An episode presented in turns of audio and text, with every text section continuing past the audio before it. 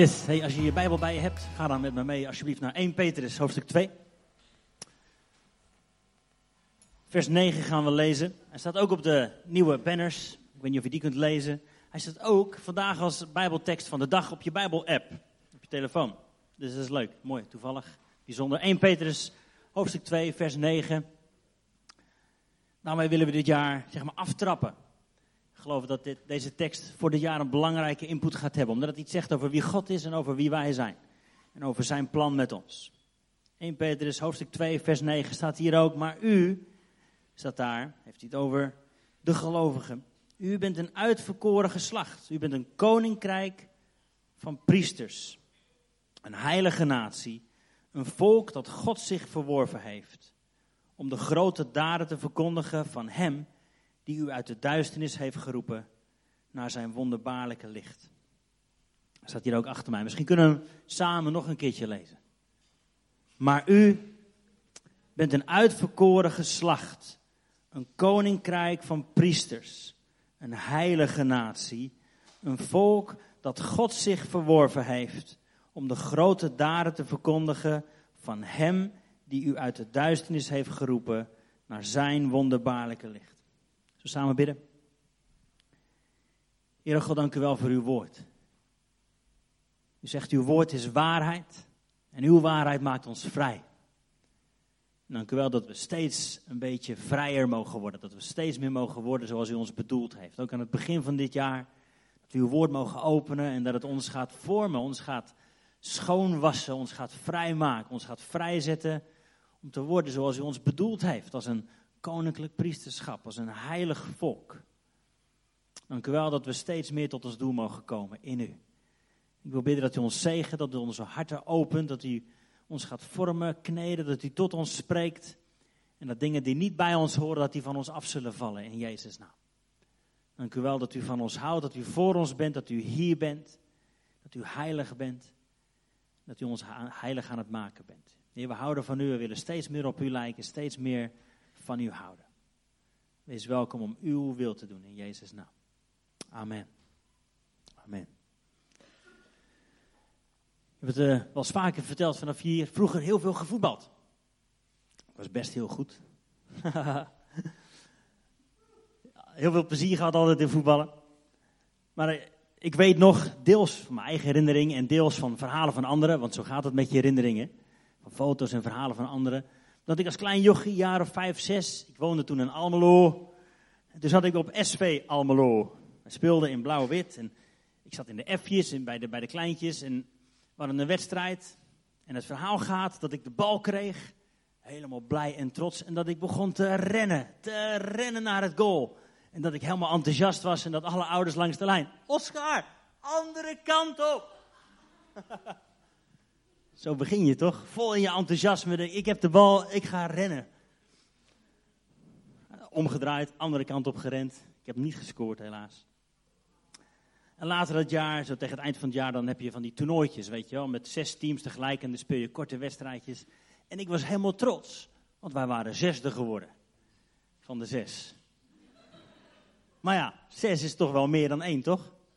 Ha, zo is dat wist ik veel. Ik deed ook maar wat. Wij waren 60, ik was blij.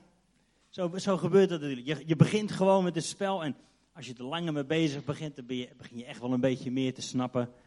En dan begin je steeds meer je plekje te vinden en dan snap je, ik moet geen keeper worden. Dat kan ik niet, heb ik een hekel aan, past niet bij mij. Ik moet geen spits worden, past ook niet bij mij.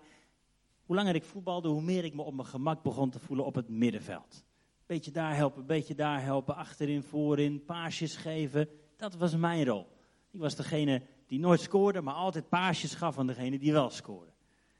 Je begint steeds meer een beetje je plek te vinden hoe langer je iets doet. Je snapt wat je wel kunt, je snapt wat je niet kunt.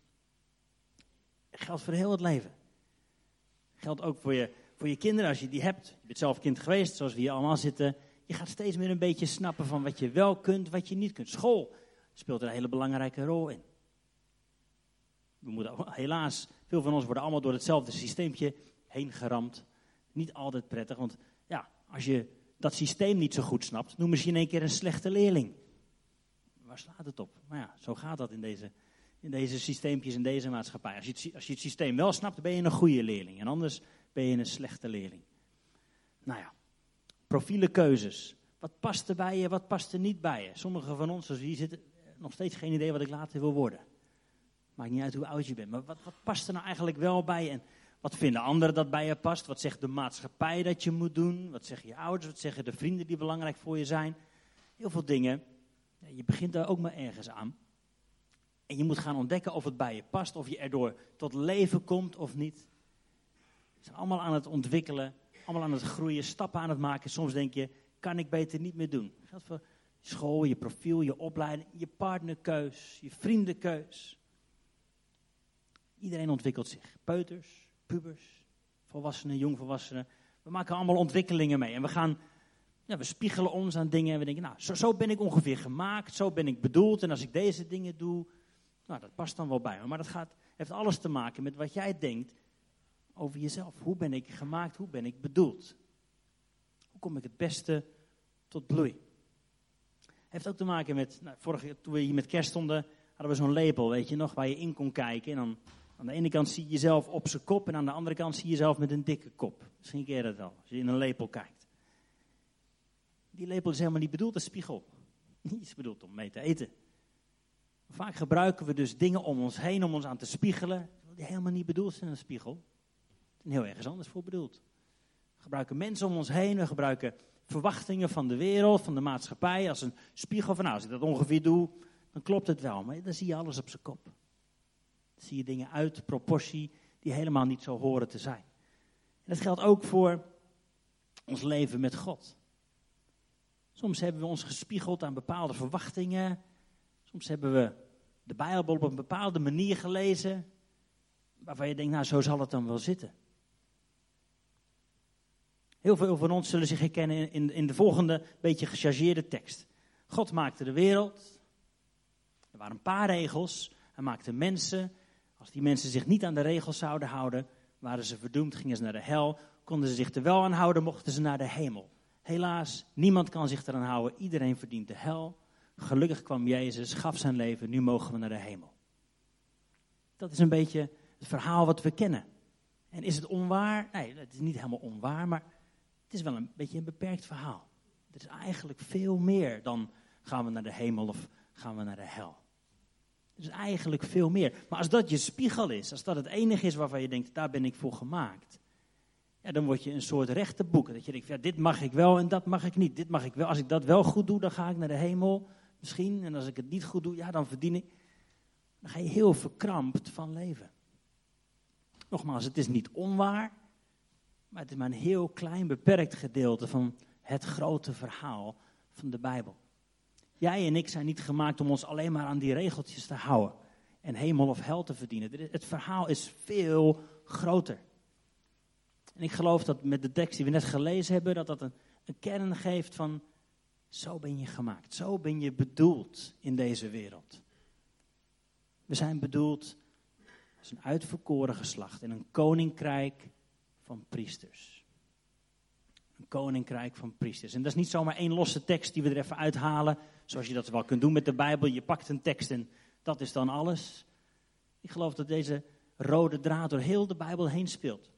Ik heb ze niet allemaal op de, op de beamer laten zetten, maar Genesis 1 bijvoorbeeld. Daar zegt God, laten we mensen maken naar ons beeld. Naar onze gelijkenis. En laten zij heersen over de vissen van de zee, over de vogels in de lucht, over het vee, over heel de aarde en over al de kruipende dieren. En God schiep het mens naar zijn beeld. Naar het beeld van God schiep hij hem, mannelijk en vrouwelijk schiep hij hen. En God zegende hen en zei, wees vruchtbaar, word talrijk, vervul de aarde en onderwerp haar. Heers over de vissen van de zee, over de vogels in de lucht, over al de dieren die over de aarde kruipen. Hier begint het al. Helemaal in het begin van de Bijbel, helemaal in het begin. Aarde is geschapen en de mens wordt daarop geplant naar zijn beeld. We zijn beelddragers. We zijn bedoeld om te heersen. We zullen straks gaan kijken wat God bedoelt met heersen. En om zijn beeld te weerspiegelen naar deze aarde. Zoveel meer dan, er zijn een paar wetten en als je er wel aan houdt, dan heb je geluk en anders. Nee, niet helemaal onwaar, maar het verhaal is zoveel groter. We hebben zoveel meer doel in dit leven dan alleen maar de hemel halen. Het is een mooi begin. Het is niet het eind van de wereld. God heeft ons een doel gegeven, hier en nu. Ik geloof dat als we dat gaan pakken, dat gaan snappen, als we gaan zien hoe we gemaakt zijn, hoe we bedoeld zijn, dan komen we tot ons doel. Dan gaan we bloeien, dan gaan we stralen, worden we niet langer gehinderd door verwachtingen van andere mensen of door wat het systeem van ons vindt. Dan gaan we ons spiegelen aan Jezus. Niet aan een andere lepel, waardoor dingen op zijn kop gaan staan, maar we gaan ons spiegelen aan wie Jezus is. Dus het begint al helemaal in het begin, Genesis 1. Genesis 12 dan, een beetje verder.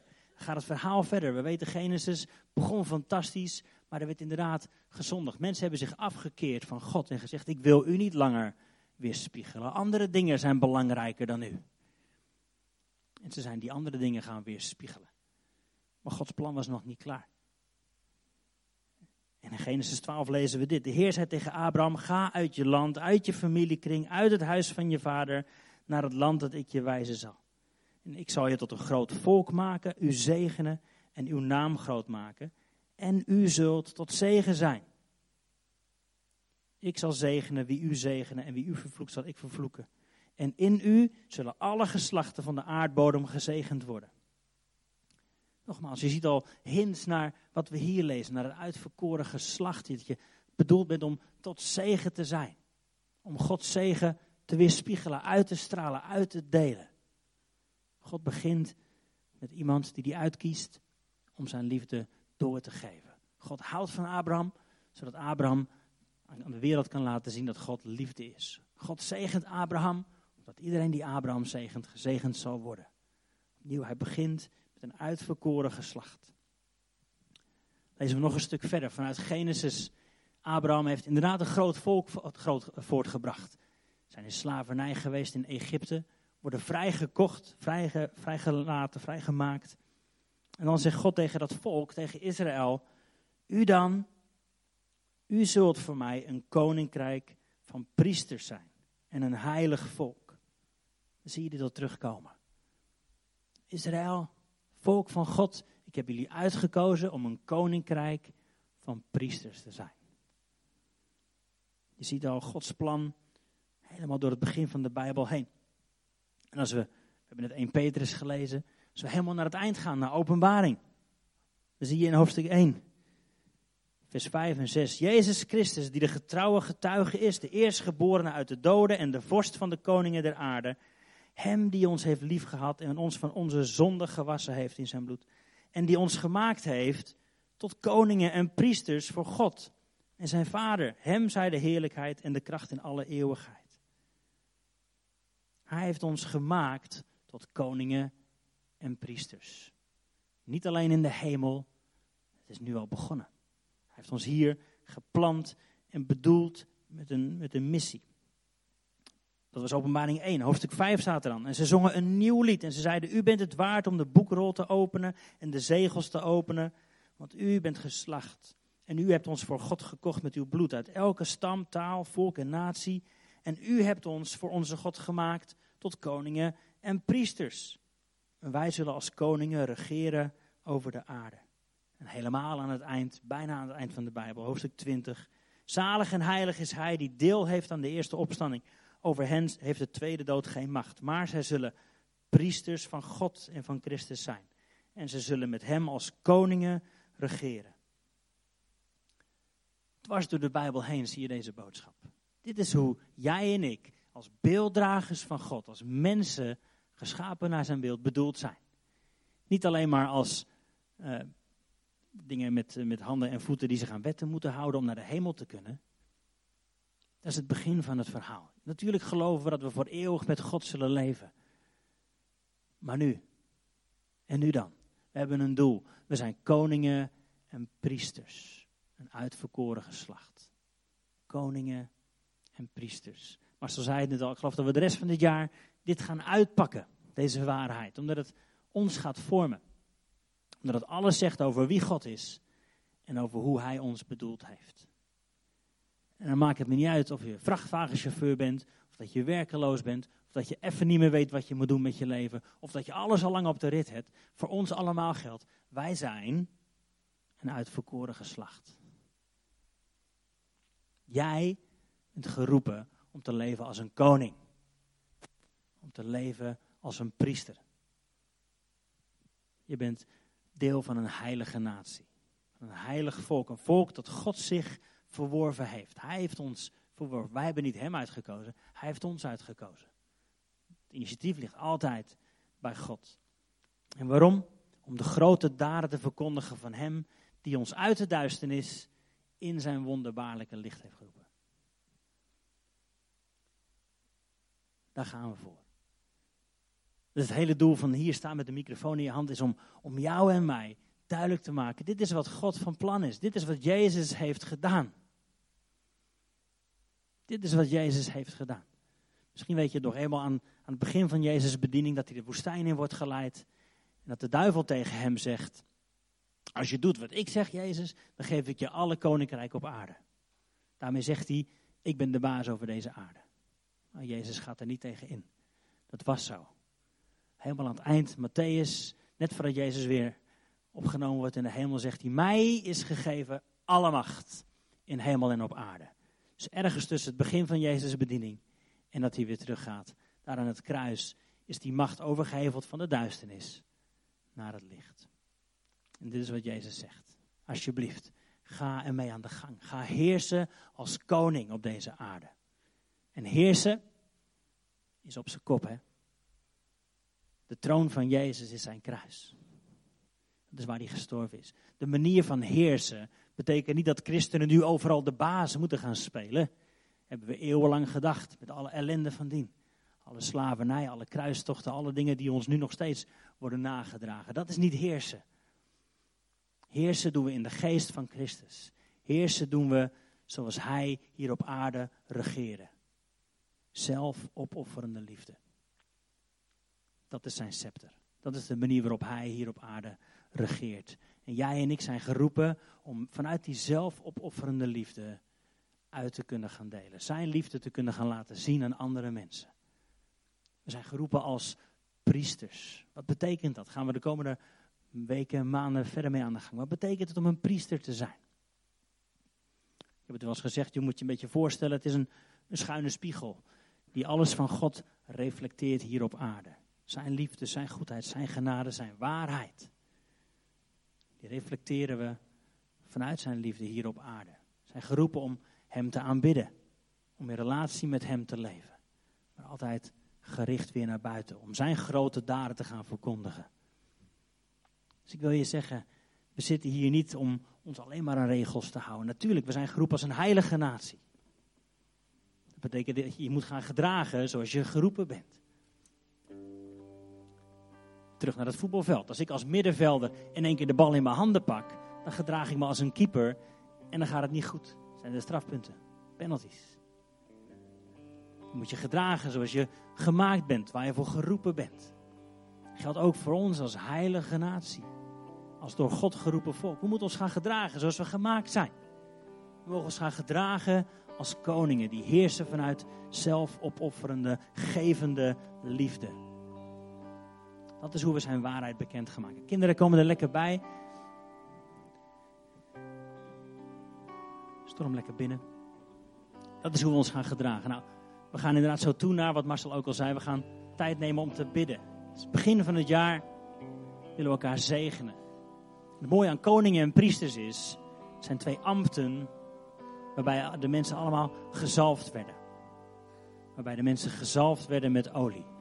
Zowel koningen als priesters kregen olie op zich als teken van de Heilige Geest. Het laat van buiten zien wat er van binnen al lang bevestigd is, wat door God al lang uitgesproken is. Het laat van buiten zien wat God van binnen bedoeld heeft. Het bevestigt vanuit de hemel, mijn Heilige Geest is op je. Mijn Heilige Geest wil je leiden, wil je kracht geven om dit te gaan doen. Wil je autoriteit geven om te gaan leven zoals je echt bedoeld bent. Als koningen en als priesters. Niet in de eerste instantie, nogmaals als vrachtwagenchauffeur of iemand achter de kassa of student of werkeloos. Nee, dat is niet je identiteit. Je werk is niet je identiteit. De dingen die je verkeerd hebt gedaan, de dingen die mensen over jou verkeerd hebben gedaan, dat is niet je identiteit. Dat kan God gebruiken en omvormen, Maar je bent geroepen als een heilige natie. Jij en ik, zoals we hier zitten. En ik hoop dat we dat steeds meer kunnen gaan omarmen. Steeds meer gaan snappen. En als dat waarheid gaat worden, dan gaat Ede veranderen. Gaat de omgeving, Veenendaal, Barneveld, noem maar op overal. Als we als christen, als volk van God dit gaan snappen, hoe we gemaakt zijn, dan gaan we ons ook anders gedragen. Dan gaan we anders leven, gaan we een andere invloed hebben. Amen. Wil je vragen te gaan staan. Deze mensen gaan zich hier straks voor het podium uitstrekken. En wil ik je uitnodigen, kom naar voren, laat je zalven. Laat je als teken van Gods aanwezigheid door de Heilige Geest. Teken van zijn liefde, zijn waarheid, zijn kracht. Laat je bekleden met kracht van omhoog. Hebben we nodig. En Heilige Geest, nogmaals, we heten u welkom hier. In deze ruimte, in ons hart, in alle dingen die we besluiten, beslissen, meemaken. Leid ons. Vorm ons, want we willen steeds meer gaan leven als dat koninklijk priesterschap. We willen steeds meer gaan staan als een heilig volk. Geroepen en gekocht en betaald door u, Heer Jezus. Door het offer aan het kruis. En we mogen voor eeuwig met u leven. En nu hebben we een missie. Nu hebben we een doel. Nu zijn we ergens voor gemaakt. En dat willen we gaan doen, Heer. In de kracht van uw naam. Heer, en als we zo eenvoudig olie gaan, gaan smeren. Heel simpel op ons voorhoofd. dan willen we uw Heilige Geest daarmee welkom heten. Om ons te leiden, om ons te vullen met kracht. Ons te gaan veranderen. Te lang hebben we dingen omarmd die niet bij ons horen. Meningen van anderen, meningen misschien van onszelf. Ja, maar we willen onze identiteit gaan vinden in uw liefde. In Jezus' naam. Amen. We zullen rustig wat spelen met de muziek. Dan wil ik je vragen, kom gewoon naar voren. Er staan genoeg mensen op een rijtje die kort voor je zullen bidden, kort wat olie zullen smeren op je. Maar ontvang zijn Heilige Geest, ontvang zijn aanwezigheid opnieuw op een nieuwe manier. Amen.